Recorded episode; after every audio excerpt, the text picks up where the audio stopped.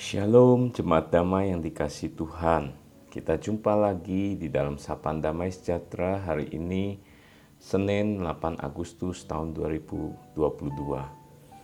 Saudaraku yang dikasih Tuhan, beberapa waktu yang lalu kita sempat dihebohkan dengan adanya sebuah berita bahwa ada sebuah buku yang diterbitkan oleh uh, Departemen Pendidikan yaitu buku agama untuk pelajaran SMP ya, setahu saya, yang menuliskan tentang uh, Allah Trinitas, yang mana di sana sangat menyimpang sekali dengan iman percaya orang Kristen, begitu ya, bahwa Allah Trinitas terdiri dari Allah, Bunda Maria, dan Tuhan Yesus.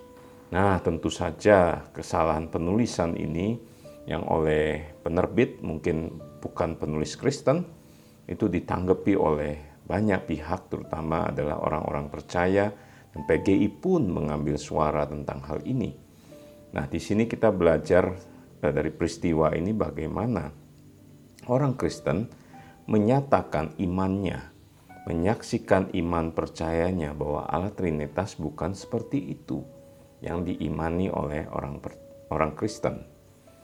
Nah, saudara yang terkasih di dalam Tuhan, bila kita melihat dalam peristiwa ini kita belajar tentang iman yang dinyatakan itu dari pengetahuan atau pemahaman iman kita kita nyatakan kepada orang lain yang belum mengerti akan iman Kristen.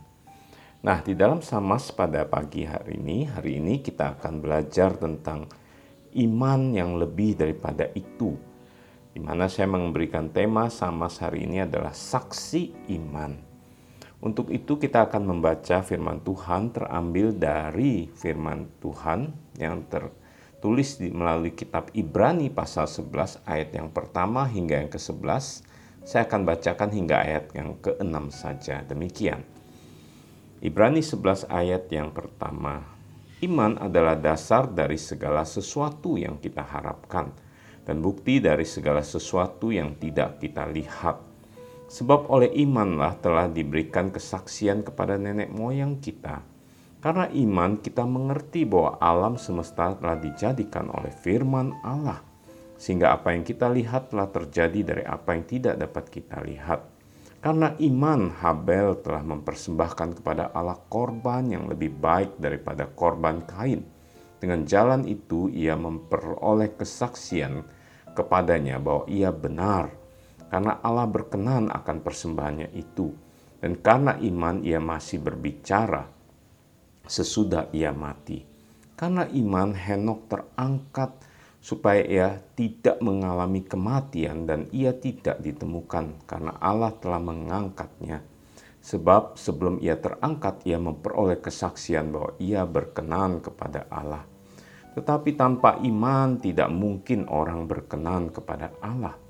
Sebab barang siapa berpaling kepada Allah, ia harus percaya bahwa Allah ada dan bahwa Allah memberi upah kepada orang yang sungguh-sungguh mencari Dia. Saudaraku yang dikasih Tuhan, apakah iman?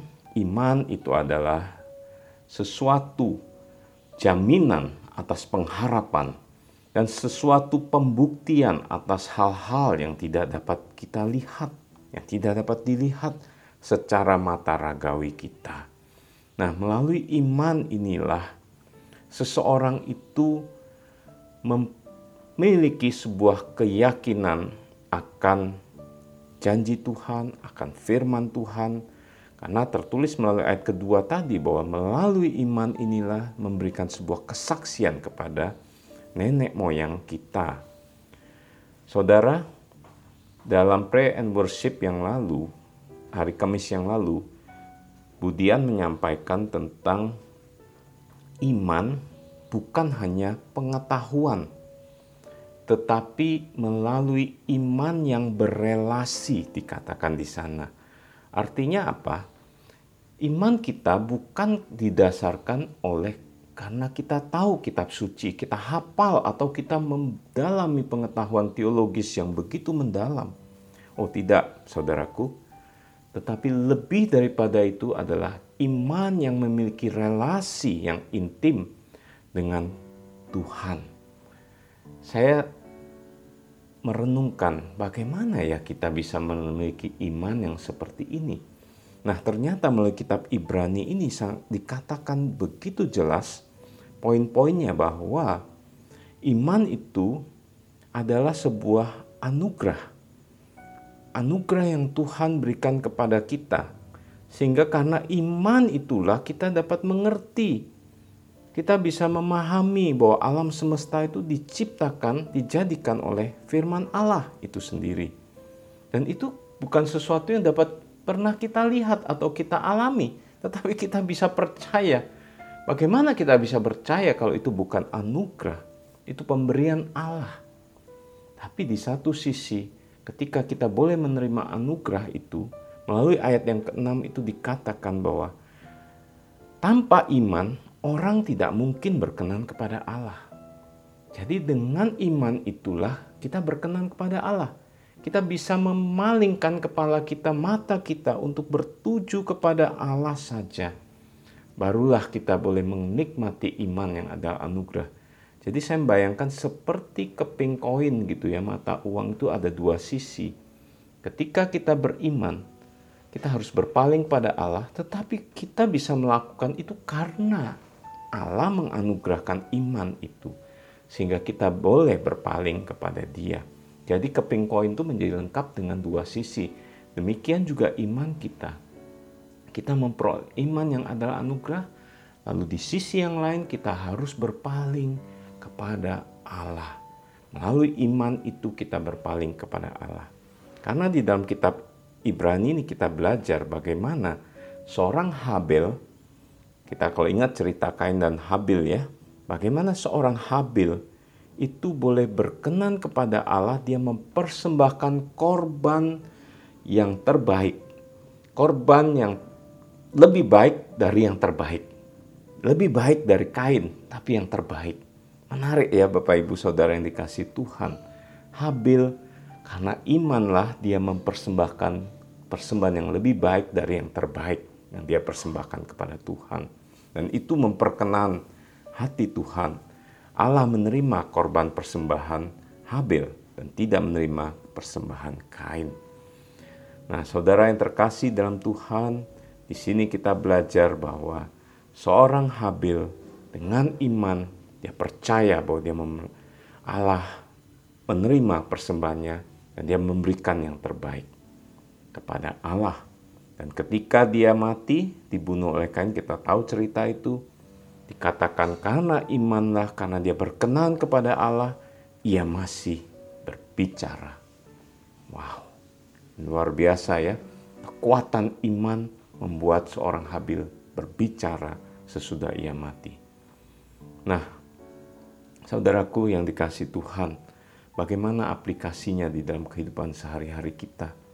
Ini bukanlah sesuatu yang sulit, tetapi juga bukan sesuatu yang mudah, saudaraku. Saya menjadi teringat sebuah kesaksian dari seorang uh, bapak di dalam sebuah percakapan kami. Bapak ini adalah seorang mantan pilot.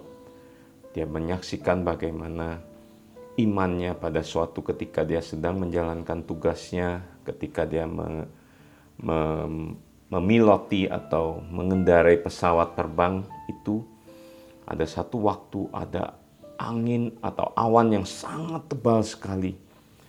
Dia bersama dengan pilot atau co-pilotnya itu di saat itu dia menyaksikan imannya kepada rekan kerjanya itu.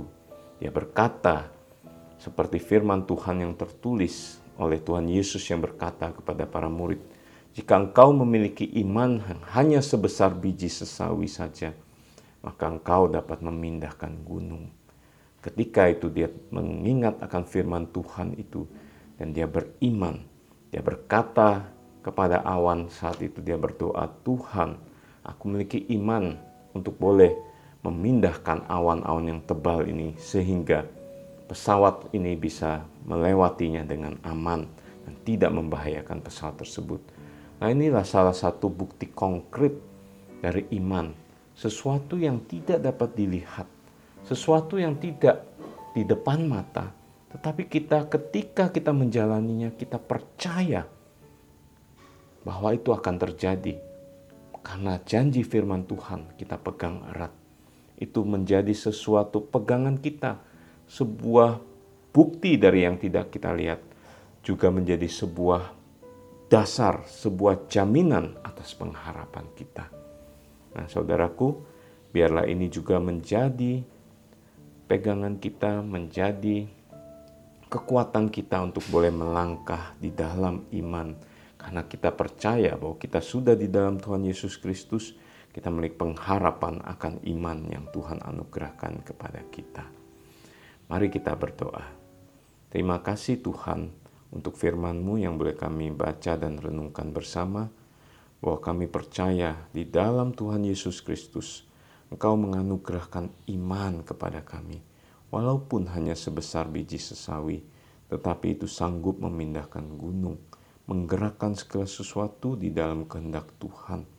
Oleh karena itu Tuhan, tambahkanlah iman di dalam hati kami untuk boleh berjalan bersama dengan Tuhan, menghadapi lika-liku kehidupan yang sulit, penuh tantangan, pencobaan, pergumulan, dan dengan sebuah mata iman pengharapan bahwa kami akan berjalan bersama Tuhan menyelesaikannya dengan benar dan ber, akan waktunya kami berjumpa dengan Tuhan dalam satu momen yang begitu indah. Kami yakin dan percaya bahwa Tuhan pimpin dan topang kami. Di dalam nama Tuhan Yesus Kristus kami berdoa dan berserah. Amin. Ya saudara yang dikasih Tuhan, mari selamat menjadi saksi iman yang benar di hadapan Tuhan. Tuhan Yesus memberkati kita.